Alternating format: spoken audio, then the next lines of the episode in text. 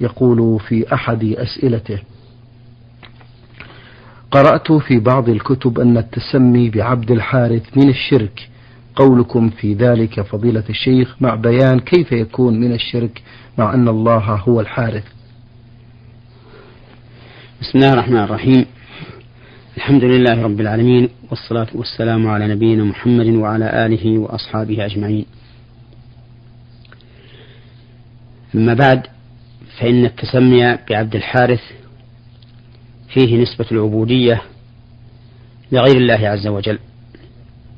فإن الحارث هو الإنسان كما قال النبي صلى الله عليه وسلم كلكم حارث وكلكم همام. فإذا أضاف الإنسان العبودية إلى المخلوق كان هذا نوعا من الشرك لكنه لا يصل إلى درجة الشرك الأكبر.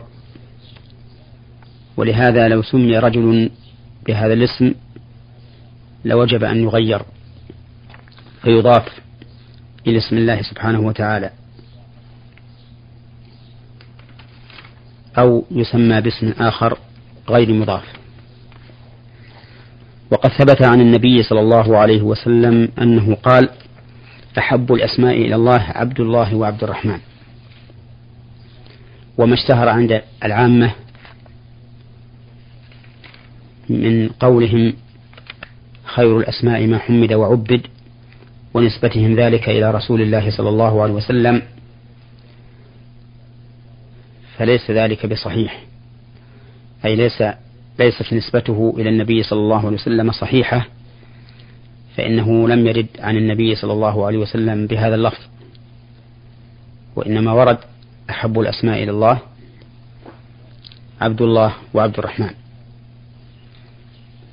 وأما قول السائل في سؤاله مع أن الله هو الحارث فلا أعلم اسما لله تعالى بهذا اللفظ. وإنما يوصف عز وجل بأنه الزارع كما في قوله تعالى أفرأيتم ما تحرثون؟ أأنتم تزرعونه أم نحن الزارعون؟ نعم. آه هذه رسالة وصلت من اليمن الديمقراطية المستمعة فاميم عين تقول في رسالتها هل يجوز للفتاة المحجبة أن تستعمل مساحيق التجميل في وجهها هل يجوز لها هذا؟ نرجو إفادة. المرأة, المرأة المحجبة هي التي تحتجب عن الرجال المحارم فيما يجب عليها الاحتجاب فيه وذلك بتغطية الوجه وغيره من البدن مما يدعو النظر إليه إلى الفتنة. هذا هو الحجاب الشرعي الذي دل عليه كتاب الله وسنة رسوله صلى الله عليه وسلم والنظر الصحيح. كما قد بينت أدلته في كثير من الرسائل التي كتبها أهل العلم. وإن كان مفهوم الحجاب عند كثير من الناس أنه تغطية جميع البدن ما عدا الوجه والكفين. ولكن القول الراجح أن أولى وأول ما يجب حجبه عن الأنظار هو الوجه. لأن الوجه محل الزينة والرغبة ومحط أنظار الرجال. وقد دل على وجوب حجبه وستره كتاب الله وسنة رسوله صلى الله عليه وسلم والنظر الصحيح. وكتب في ذلك رسائل متعددة كثيرة في بيان ذلك. ولا أحد يشك بأن المرأة يرغب فيها إذا كان وجهها جميلا ويرغب عنها إذا كان وجهها غير جميل. وأن الخاطب أول يهتم أول ما يهتم به من حيث طلب الجمال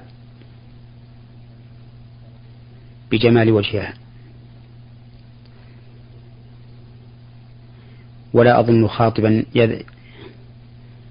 يرسل أحدا ينظر إذا إلى مخطوبته إذا لم يتمكن هو من النظر إليها لا أظنه يسأله عن شيء قبل أن يسأله عن وجهها. لا أظنه يسأل كيف قدمها أو كيف شعرها أو ما أشبه ذلك ويكون له من الاهتمام بهذا كما يكون له من الاهتمام بالوجه. وهذا أمر معلوم.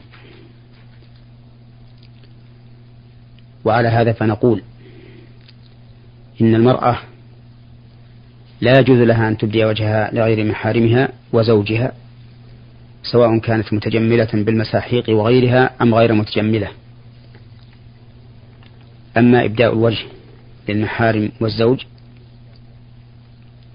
فإنه لا بأس به. ولكن ينبغي أن لا تضع فيه ما يوجب الفتنة وتعلق القلب بها إلا إذا كان ذلك في كشفها لزوجها. فإن المرأة مأمورة بأن تتزين للزوج وأن تفعل من الأساليب التي تجلب الود من زوجها إليها. ما يكون سببا في ميله إليها ورغبته فيها. لأن من أقوى أسباب السعادة بين الزوجين أن يجعل الله في قلوبهما المحبة والمودة. بل إن هذا من أهم ما يكون بين الزوجين كما قال الله تعالى ومن آياته أن خلق لكم من أنفسكم أزواجا لتسكنوا إليها وجعل بينكم مودة ورحمة. إن في ذلك لآيات لقوم يتفكرون.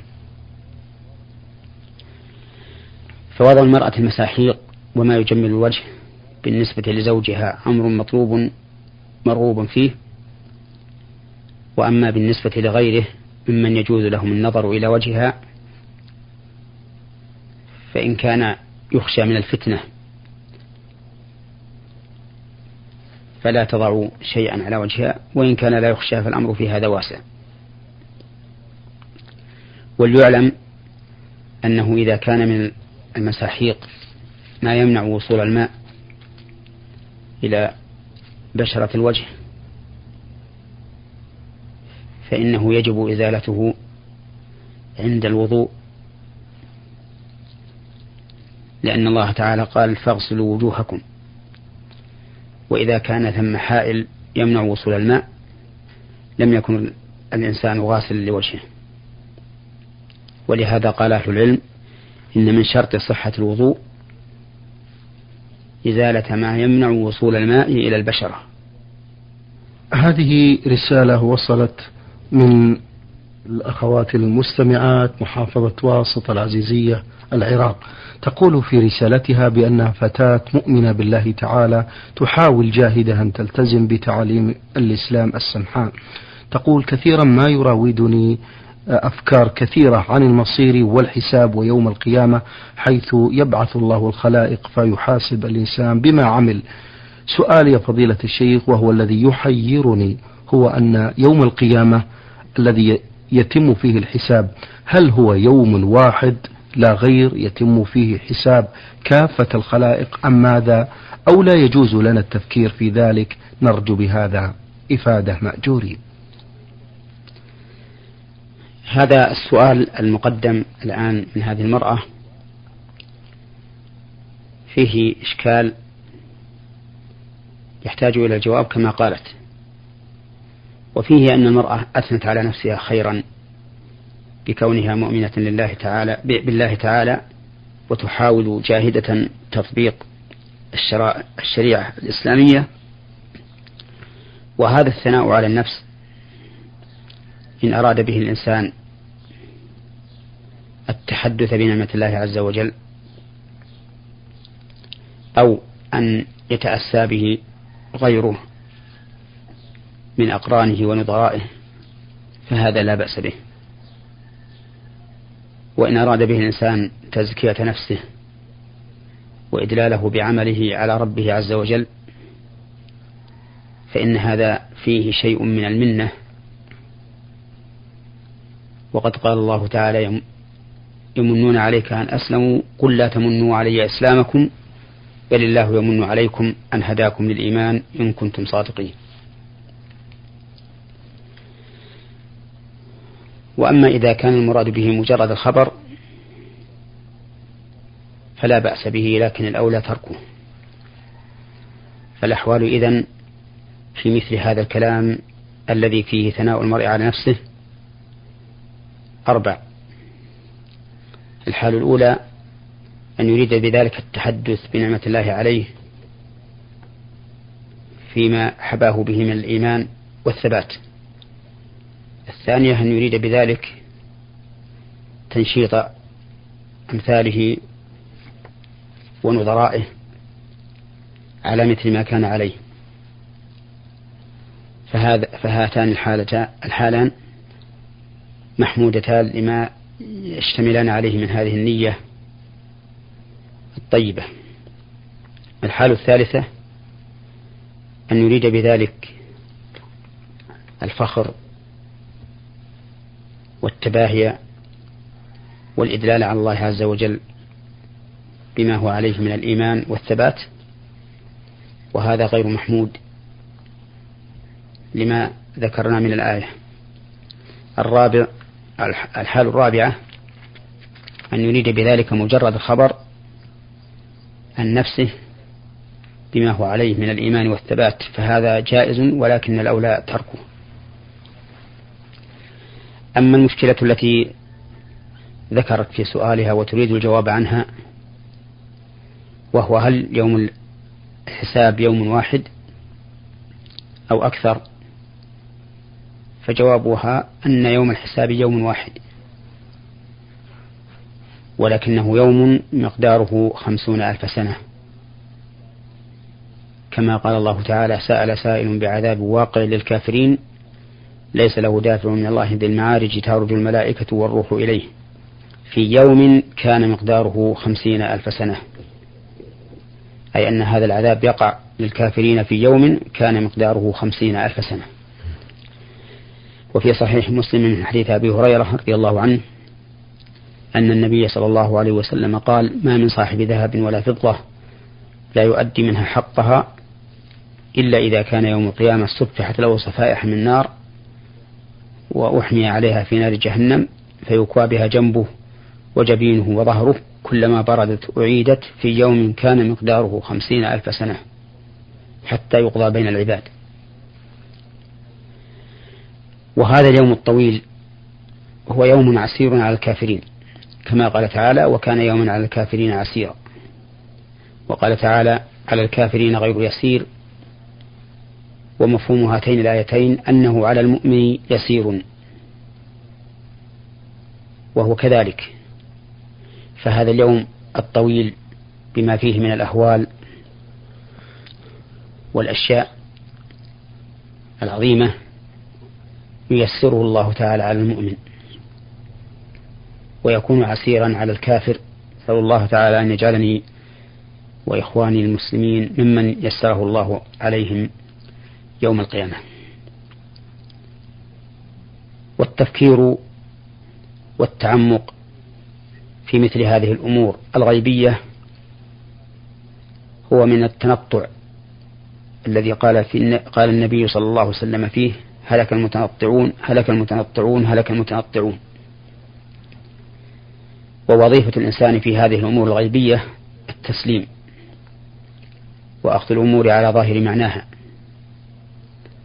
دون أن يتعمق أو يحاول المقايسة بينها وبين الأمور في الدنيا فإن أمور الآخرة ليست كأمور الدنيا وإن كانت تشبهها في أصل المعنى وتشاركها في ذلك لكن بينهما فرق عظيم.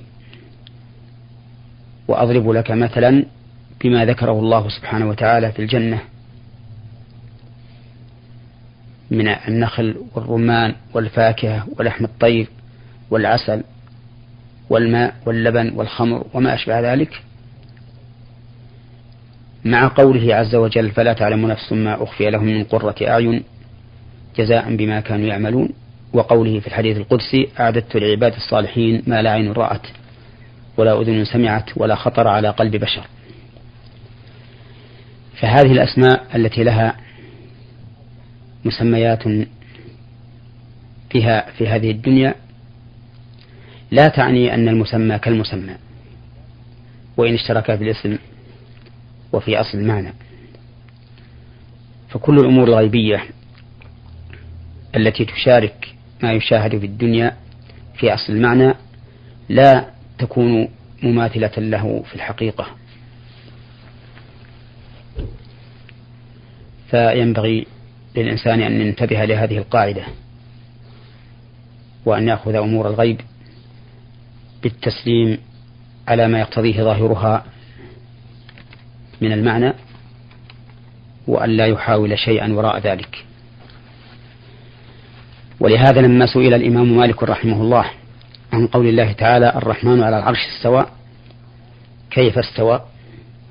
أطلق رحمه الله, رحمه الله برأسه حتى علاه الرحضاء أي العرق. وصار يتصبب عرقا وذلك لعظم السؤال في نفسه. ثم رفع رأسه وقال قولته الشهيرة التي كانت ميزانا لجميع ما وصف الله به نفسه. قال رحمه الله الاستواء غير مجهول والكيف غير معقول والإيمان به واجب والسؤال عنه بدعة. فالسؤال المتعمق في مثل هذه الأمور بدعة لأن الصحابة رضي الله عنهم وهم أشد منا حرصا على العلم وعلى الخير لم يسألوا النبي صلى الله عليه وسلم مثل هذه الأسئلة وكفى بهم قدوة وما قلته الآن بالنسبة لليوم الآخر يجري بالنسبة لصفات الله عز وجل التي وصف الله بها نفسه من العلم والقدرة والسمع والبصر والكلام وغير ذلك فإن مسميات هذه الألفاظ بالنسبة إلى الله عز وجل لا يماثلها شيء مما يشاركها في هذا الاسم بالنسبة للإنسان. فكل صفة فإنها تابعة لموصوفها فكما أن الله سبحانه وتعالى لا مثيل له في ذاته فلا مثيل له في صفاته. وخلاصة الجواب الآن أن اليوم الآخر يوم واحد وأنه عسير على الكافرين ويسير على المؤمنين وأن ما ورد فيه من أنواع الثواب والعقاب أمر لا يدرك كنه في هذه الحياة الدنيا وإن كان أصل المعنى فيه معلوما لنا في هذه الحياة الدنيا. نعم. بارك الله فيكم. رسالة وصلت من الطالب محمد عبد الله من تشاد المستمع يقول في هذا السؤال فضيلة الشيخ هل هناك أدلة تدل على أفضلية الملائكة على الصالحين من بني البشر؟ هذه المسألة وهي المفاضلة بين الملائكة وبين الصالحين من البشر. محل خلاف بين أهل العلم. وكل منهم أدلى بدلوه فيما يحتج به من النصوص. ولكن القول الراجح أن يقال إن الصالحين من البشر أفضل من الملائكة باعتبار النهاية. فإن الله سبحانه وتعالى يعد لهم من الثواب ما لا يحصل مثله للملائكة فيما نعلم بل إن الملائكة في مقرهم أي في مقر الصالحين وهو الجنة يدخلون عليهم من كل باب يهنئونهم. سلام عليكم بما صبرتم فنعم عقب الدار. أما باعتبار البداية فإن الملائكة أفضل لأنهم خلقوا من نور وجبلوا على طاعة الله عز وجل والقوة عليها. كما قال الله تعالى في الملائكة ملائكة النار عليها ملائكة غلاظ شداد لا يعصون الله ما أمرهم ويفعلون ما يؤمرون. وقال عز وجل ومن عنده لا يستكبرون عن عبادته ولا يستحسرون. يسبحون الليل والنهار لا يفترون. هذا هو القول الفصل في هذه المسألة. وبعد فإن الخوض فيها وطلب المفاضلة بين صالح البشر والملائكة من فضول العلم الذي لا يضطر الإنسان إلى فهمه والعلم به. والله المستعان. الله المستعان. آه هذه رسالة وصلت من أحد الإخوة المستمعين. آه المستمع هنا من جمهورية مصر العربية يقول فضيلة الشيخ يوجد لدينا في مصر بالنسبة لدفن الميت آه بأنهم يدفنون الميت على ظهره ويده اليمنى فوق اليسرى فوق بطنه. وجدت هنا في المملكة أنهم يدفنون الميت على جنبه الأيمن. الرجاء الإفادة عن هذا مأجورين. الصواب أن الميت يدفن آه، على جنبه الأيمن مستقبل القبلة. فإن القبلة أو فإن الكعبة قبلة الناس أحياء وأمواتا وكما أن النائم ينام على جنبه الأيمن كما أمر بذلك النبي صلى الله عليه وسلم. فكذلك الميت يضجع على جنبه الأيمن. فإن النوم والموت يشتركان في كون كل منهما وفاة. كما قال الله تعالى الله يتوفى الأنفس حين موتها والتي لم تمت في منامها وقال تعالى وهو الذي يتوفاكم بالليل ويعلم ما جرحتم بالنهار ثم يبعثكم فيه ليقضى أجل مسمى فالمشروع في دفن الميت أن يضجع على جنبه الأيمن مستقبل القبلة. ولعل ما شاهده السائل في بلاده لعله كان نتيجة عن جهل. نعم. من يتولى ذلك؟ وإلا فما علمت أحدا من أهل العلم يقول إن الميت يضجع على ظهره وتجعل يداه على بطنه. نعم. آه رسالة وصلت من أحد الإخوة المستمعين المستمع هنا من المملكة الأردنية الهاشمية الزرقاء آه آه يقول في رسالته ما رأي الشرع في نظركم فضيلة الشيخ في زواج التحليل؟ أولا ينبغي أن نبين للسامعين ما هو زواج التحليل. نعم.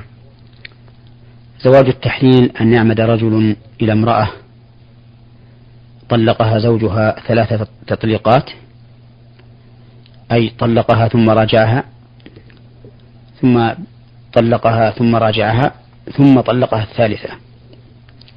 فهذه المرأة لا تحل لزوجها الذي طلقها آخر ثلاث تطليقات إلا إذا نكح زوج آخر. نكاح رغبة وجامعها ثم فارقها بموت أو طلاق فإنها تحل للزوج الأول. لقول الله تعالى لقول الله تعالى الطلاق مرتان فإمساك بمعروف أو تسريح بإحسان. إلى قوله فإن طلقها أي الثالثة فلا تحل له من بعد حتى تنكح زوجا غيره. فإن طلقها فلا جناح عليهما أن يتراجعا إن ظنا أن يقيما حدود الله. فيعمد رجل من الناس إلى امرأة طلقها زوجها ثلاثة تطليقات فيتزوجها بنية أنه متى حللها للأول طلقها. أي متى جامعها طلقها فتعتد منه ثم ينكحها زوجها الأول. وهذا الطلاق طلاق فاسد. فقد لعن النبي صلى الله عليه وسلم المحلل والمحلل والمحلل له وسمى المحلل التيس المستعار لأنه كالتيس يستعيره صاحب الغنم لمدة معينة ثم يرده إلى مالكه.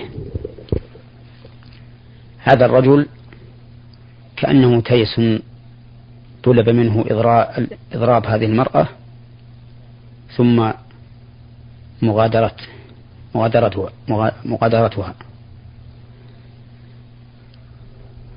هذا هو نكاح التحليل.